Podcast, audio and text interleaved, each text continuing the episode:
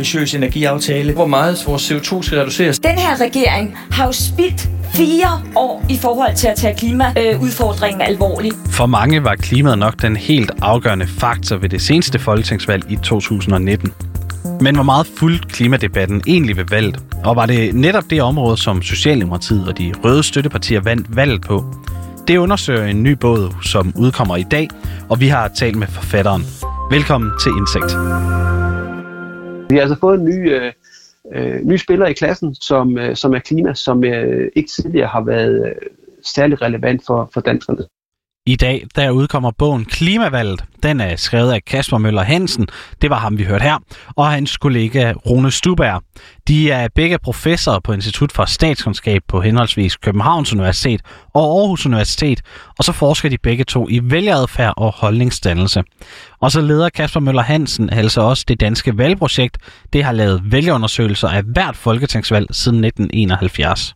Men det, det, som vi forsøger på her nu, det er sådan set at give det her videnskabelige bud på, hvad er det, der egentlig skete? Hvad er det, der adskiller folketingsvalget øh, i 2019 med, med tidligere folketingsvalg? Og der har vi, kan man sige, jo data øh, over snart 50 år, hvor vi simpelthen analyserer øh, danske vælgere i, i alle mulige øh, og umulige spørgsmål, vi har stillet dem over tiden, og prøver ligesom at, at, at hit hovedet i hale i, hvordan er det, danskerne navigerer øh, blandt de her politiske partier. Og det er altså med al den her data, at man nu kan sige noget klogt om, hvorfor Socialdemokratiet de på grundlovsdag 2019 kunne vinde folketingsvalget, og at Mette Frederiksen efter et par uger kunne indtage kontoret i statsministeriet. Der kommer, kan man sige, dommen over, hvordan vi så valget, hvordan vi så vælgerne, de bevægede sig, øh, og egentlig sætter det i perspektiv i forhold til andre valg, og, og, og prøver at kendetegne øh, folketingsvalget 2019 som det, det er. Og vores konklusion er jo udgangspunkt, at det var et, et klimavalg. Og som du måske havde gættet, og som det også blev nævnt her, så var det altså klimaet, der blev det helt afgørende punkt ved valget i 2019. Men forskerne, de var altså ikke sikre på forhånd. Jamen, en af de ting, som vi, vi var udgangspunkt måske var lidt i tvivl om, det var egentlig, om vi kunne tillade os at kalde det et klimavalg, for der var jo også andre temaer. Men det vi opdagede, da vi kiggede ned i, i, i de her meget, meget store øh, mængder af data, vi havde samlet, det var egentlig, at at klimaet stikker jo fuldstændig af i de sidste par uger før valget. Øh, og vi ender jo med en situation med, at næsten 60 procent af danskerne siger, at klima er det vigtigste, når de står i stemmeboksen. Altså det er på et niveau, vi øh, slet ikke har set noget emne tidligere. Så, så det var en af de ting, der overraskede os rigtig meget. Ifølge Kasper Møller Hansen, så overraskede det også partierne, at klimaet det skulle fylde så meget i debatten. Det var nemlig først, da medierne de undersøgte, hvad vi vælgere vi gik mest op i, og at klimaet det så scoret højt, at det her emne fik en plads i partilederdebatterne. Men herfra, ja, så fik klimaet altså bare større og større indflydelse på valget. Så svarer folk igen, når man så øh, spørger dem en gang til, hvad er vigtigst? Jamen, det er klima. Og så får det den her selvforstærkende effekt. Så vi ender faktisk i en situation med, øh, i dagene op til valget, at, at næsten 60 procent af danskerne synes, at klima hører til de, de vigtigste emner. Det har vi aldrig set før, og det er, kan man sige, sammenlignet med nogle af de andre emner, som, som sundhed og, og hvad der ellers var øh, på dagsordenen, Arnes pension, så overskygger øh, den her klimadagsorden øh, alt andet. Ved de foregående valg, der har det især været udlændingedebatten, der har fyldt meget og også er blevet afgørende for, hvem der kunne komme ind i statsministeriet. Det var sådan, Blå Blok de holdt fast i magten op gennem nullerne. Men ved det her valg, der var forskellen altså udlignet, slår valgforskerne fast. For eksempel tidligere kan man sige, var indvandringsspørgsmål det helt store spørgsmål. Det emne så vi faktisk døde meget ud øh, i det seneste folketingsvalg, og, og ser, hvordan klima sådan set har overtaget det som den vigtigste værdipolitiske dimension. Alligevel så formodede Socialdemokratiet dog en tidligere Dansk Folkeparti vælger over midten med sin udlændingepolitik. Til gengæld så skubbede den her politik altså også nogle vælgere væk. Men de satte så i stedet bare krydset ud for et af de røde støttepartier. På den måde så kunne Rød Blok formå at sikre sig et flertal. Men man kan også se, at det var samtlige danskere, som gik op i klimaet, og ikke blot de unge, som ellers var meget fremme i debatten om klimaet.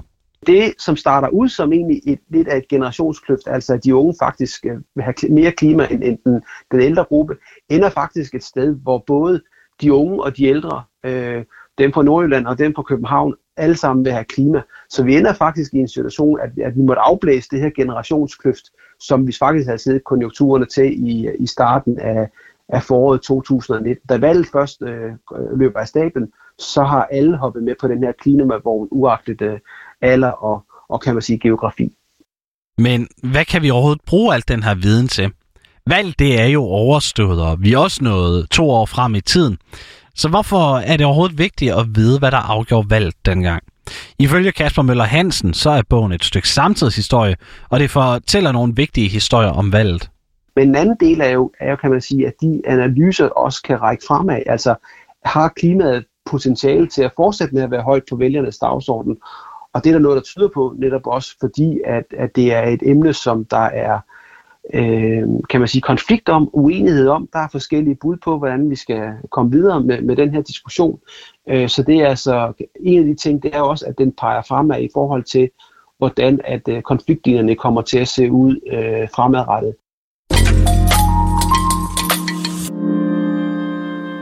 I dag har været en særlig dag. Jeg har medvirket i en bog, som er udkommet i dag.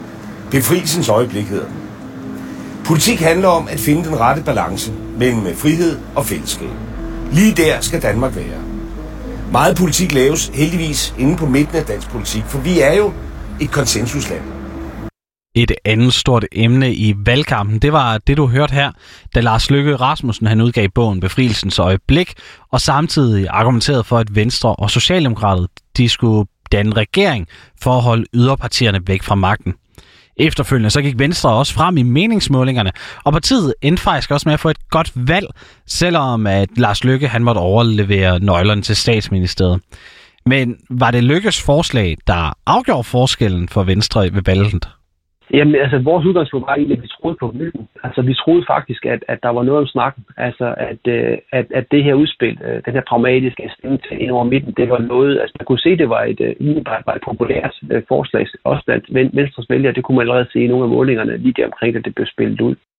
Derfor så kiggede Kasper Møller Hansen og Rune Stuberg også på, om de nye vælgere, Venstre fik ved valget, havde mere tilbøjelighed til at synes godt om ideen om en SV-regering. Men det er der altså intet, der tyder på. Altså, det, det var ikke sådan, at, at man havde mere sympati for en SV-regering, øh, hvis man blev tiltrukket, end hvis man ikke gjorde. Øh, og, så, så, og, øh, og vi kan jo sige, leder ret grundigt efter den forklaring, men, men kan simpelthen ikke finde den i data. Vi kan simpelthen ikke finde støtte til det, at de bevægelser, vi ser i, i, øh, i slutningen af valgkampen, at de sådan set er, er båret af den her SV-udmelding.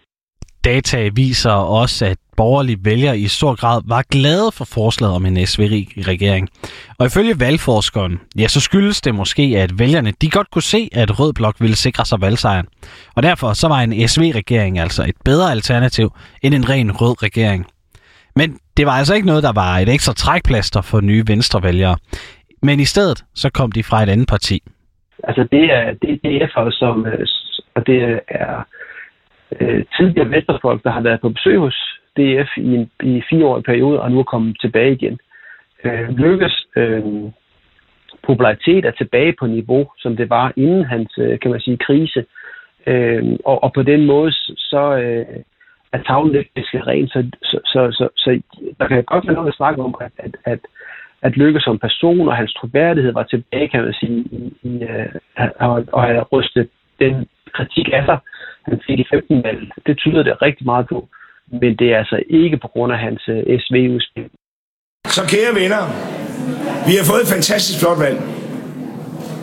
Men øh,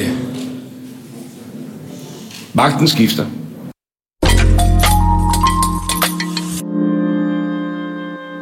Valgundersøgelsen af valget i 2019 er den 17. af sin slags. Ved hver valg siden 1971, der har forskerne undersøgt, hvad der blev afgørende ved de enkelte valg. Men det her meget data, det kan altså også bruges til mange andre ting, fortæller Kasper Møller Hansen.